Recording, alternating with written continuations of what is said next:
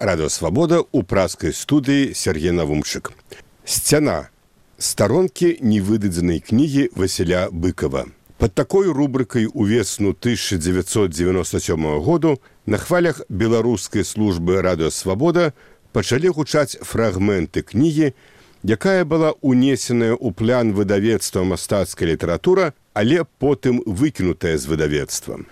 У той час Александр Лукашенко актывізаваў працэс аб'яднання Беларусі рассеі. Нацыянальная культура спазнала ціск, пра які ўжо забылася за гады адраджэння пачатку 90-х. Проза Васіля быкова не ўпісывалася ў ідэалагічны кантэкст. Васіль Уладзімирович перадаў рукапіс у прагу і супрацоўнікі свабоды чыталі ягоную прозу.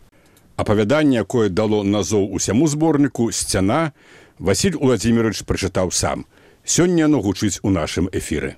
Сцяна была каменная, закапцелая, дужа старая, як увесь гэты будынак турма, што дастаўся дыктатару краіны, ад ранейшага дыктатара, а таму ад яшчэ ранейшых.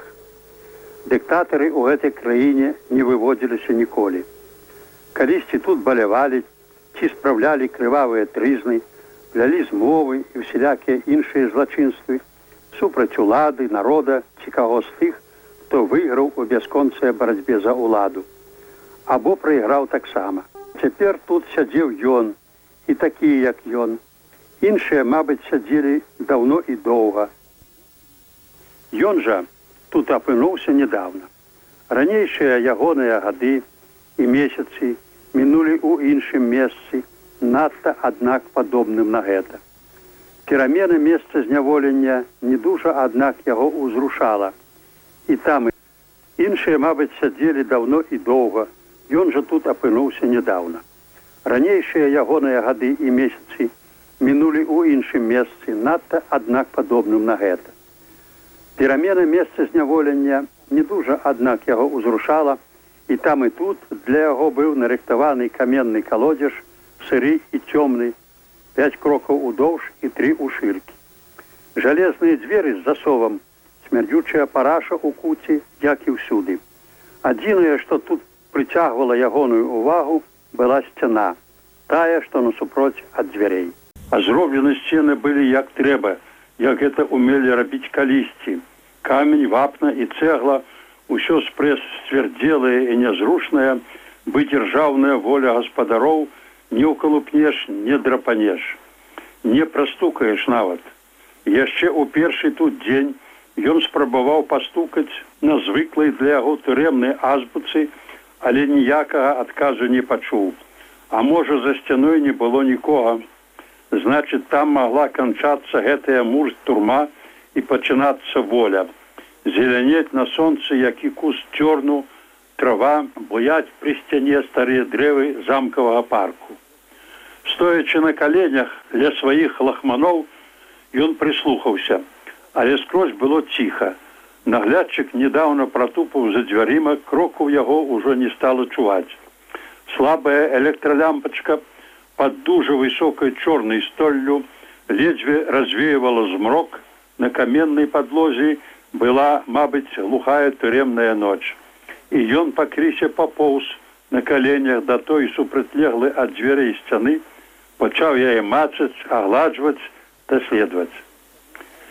Ніжні рад буйных каменных блокаў быў складзена шчыльна і нязручна і не прымаў у сябе ніякі ягоны стук хоць костачкай пальца хоць кулаком. Тое ж было і вышэй. Драпін і нейкіх адзнак людскога паходжання на камянях хапала але яны мала пра што яму сведчылі. Можа там было што напісана ды ў паўзмроку нічога нельга было разабраць. Хаця ён і не дамагаўся таго, навошта яму былі адзнакі чайгосці лёсу, яму хапала свайго пакутнага, гаротнага і дужа няўдалага. Трудно было уявіць нешта ў іншае у тым лёсе апрач гэтай его каменнай нары. Мабыць, іншае і не будзе ніколі, тут і скончыцца ягонае жыццём, без жадной надеи. Стена была стюдзёная и твердая.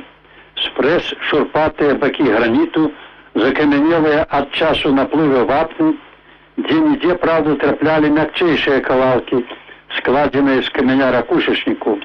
І толькі ў кутку, у сырым і нават вільготным кутку ўнізе, часці можа вільгаць штосьці зрабілі нават з каменем ці з вапнавай зацвярдзеласцю. Там здалося яму было трохі мякчэй. Конечно, не так, каб можна было штось выдраць, які кавалак, але калі парупіцца, мусіць варта было паспрабаваць. І ён спрабаваў спярша кіпцямі, ды хутка пазламваў іх на бедзюх руках, тады голымі пальцамі.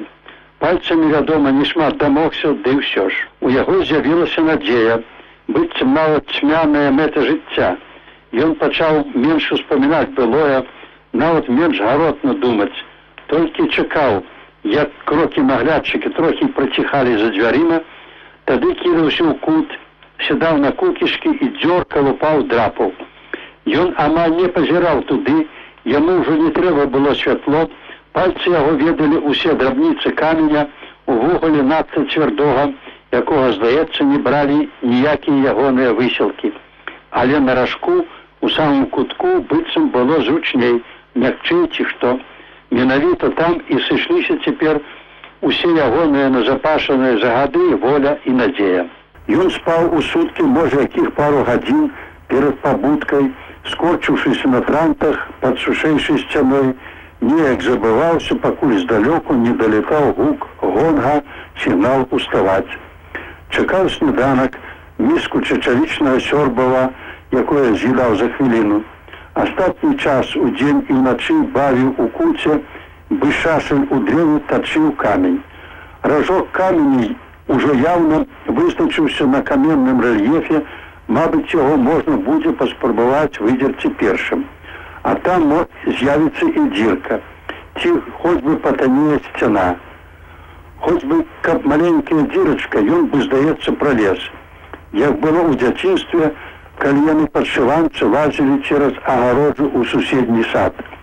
Старэйшыя яго пасылалі першым, бо быў ён самы худзенькі, маленькі рухавы жэвжык, які пралазіў усюды, дзе толькі можна было пралезці. І дзе не было ніякай магчымасці таксама.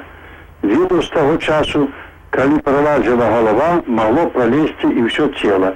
Такі быў жэўжык, пакуль не падрос і не заняўся палітыкай. У палітыцы было інакш. Часам не мог пралезці ніхто, не пралез і ён, таму і папаўся. Нецярпенне нішчыла надзею, гэта ён ведаў пэўна. Надзея з часам то зусім замірала, то узгаралася да нясцерпнасці. Неяк калупаючы ўсё заражком каменя, ён пачуў па той бок сцяны нейкія адзнакі жыцця, быццам піск птушаняці.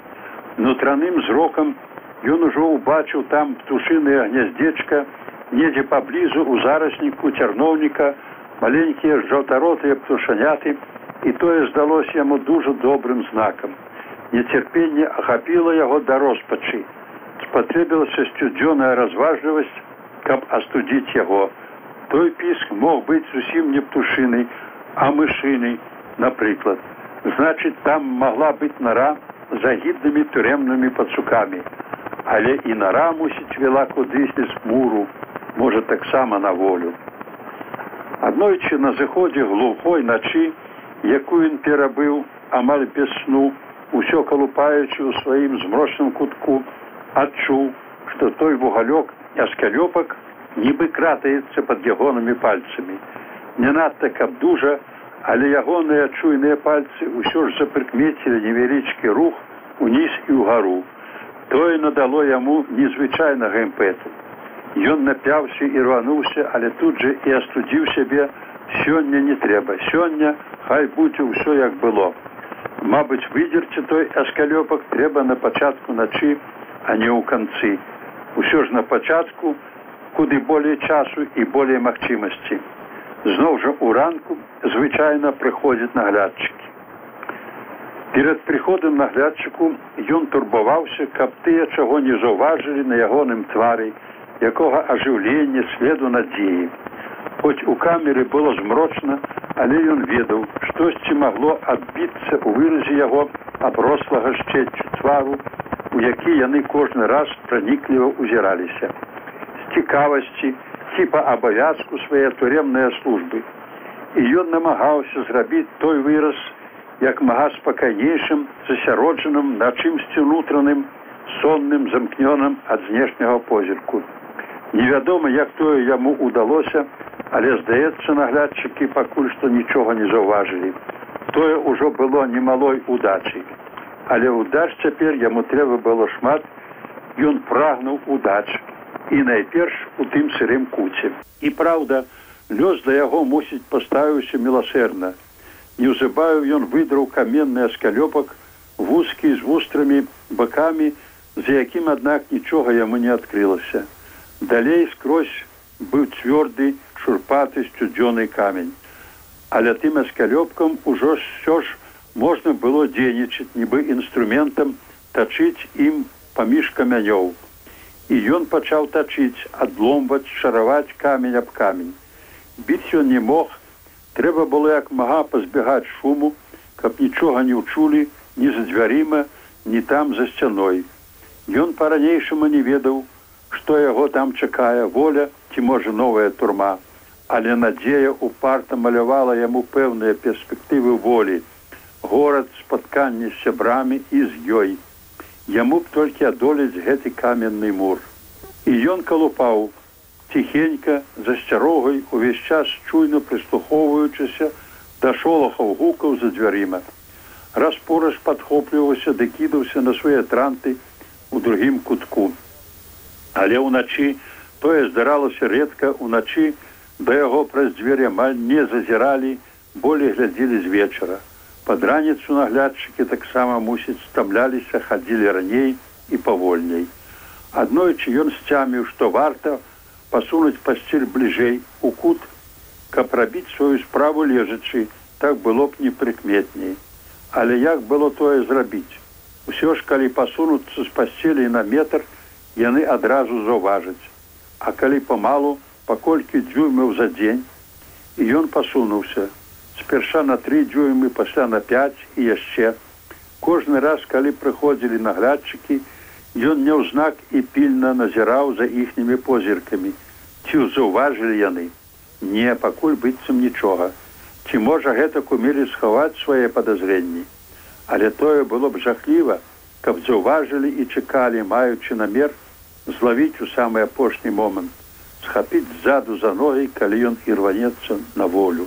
У канцы лета ён ужо прасунуўся странтамі ў кут амаль шчыльную. Пра тое, што скончылася лета, ён меркаваў па вопратцы наглядчыкаў, якія апрануліся ў цяплейшыя. Часам некаторыя прыходзілі мусіць з надворку, ад іх веяла восеньскай свежасцю, блішчылі круплі дажджу на плячах уніформы.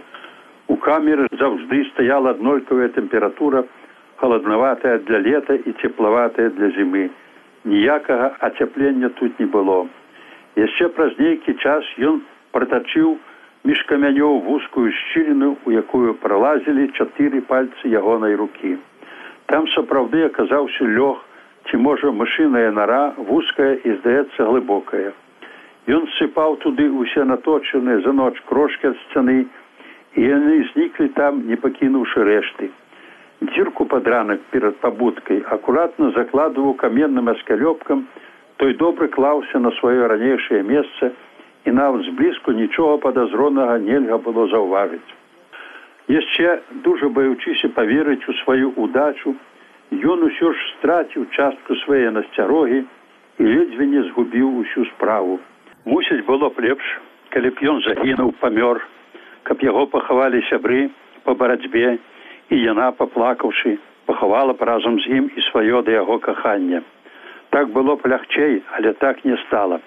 Сталася горш і тое душыла сваёй няпэўнасцю няскончанасцю недагаворанасцю. У той восеньскі вечар яны рассталіся як меркавалі на пару гадзін. А поўначы ён абяцаў вярнуцца ў яе свяцёлку на паддашшы акрай гарадскога парку. І яна памятае нават не збіралася класціся спаць сказала буду чакаць і не развіталася як мае быць толькі трошки прыгарнулася да яго і расчыніла палавіну дзвярэй ідзі ён і пайшоў. Выслухалі апавяданне Васіля быкава сцяна ў аўтарскім выкананні. Запіс 97 -го году. Заканчэнне